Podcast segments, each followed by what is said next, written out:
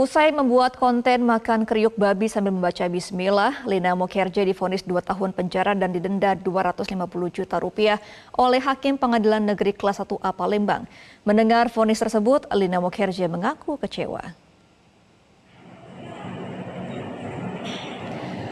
Vonis Lina Mukerje terdakwa tindak pidana penistaan agama dan Undang-Undang ITE itu sama dengan tuntutan jaksa penuntut umum.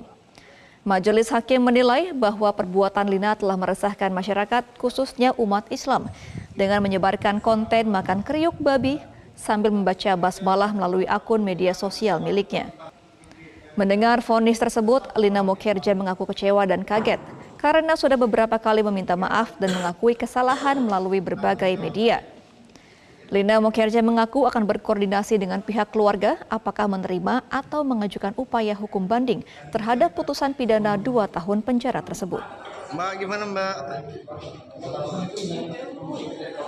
Kaget ya? minta maaf berkali-kali kan Iya.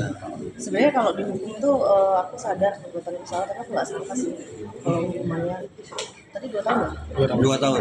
bahwa ini bukan dalam kapasitas pembalasan kami, tapi ini semata-mata pembelajaran sebagai anak bangsa untuk menjaga negara ini, jangan memancing keributan, terus saling menghormati antar umat beragama, dan jangan menjadi objek lelucon terhadap Tuhan-Tuhan yang kita anut. Jelajahi cara baru mendapatkan informasi. Download Metro TV Extend sekarang.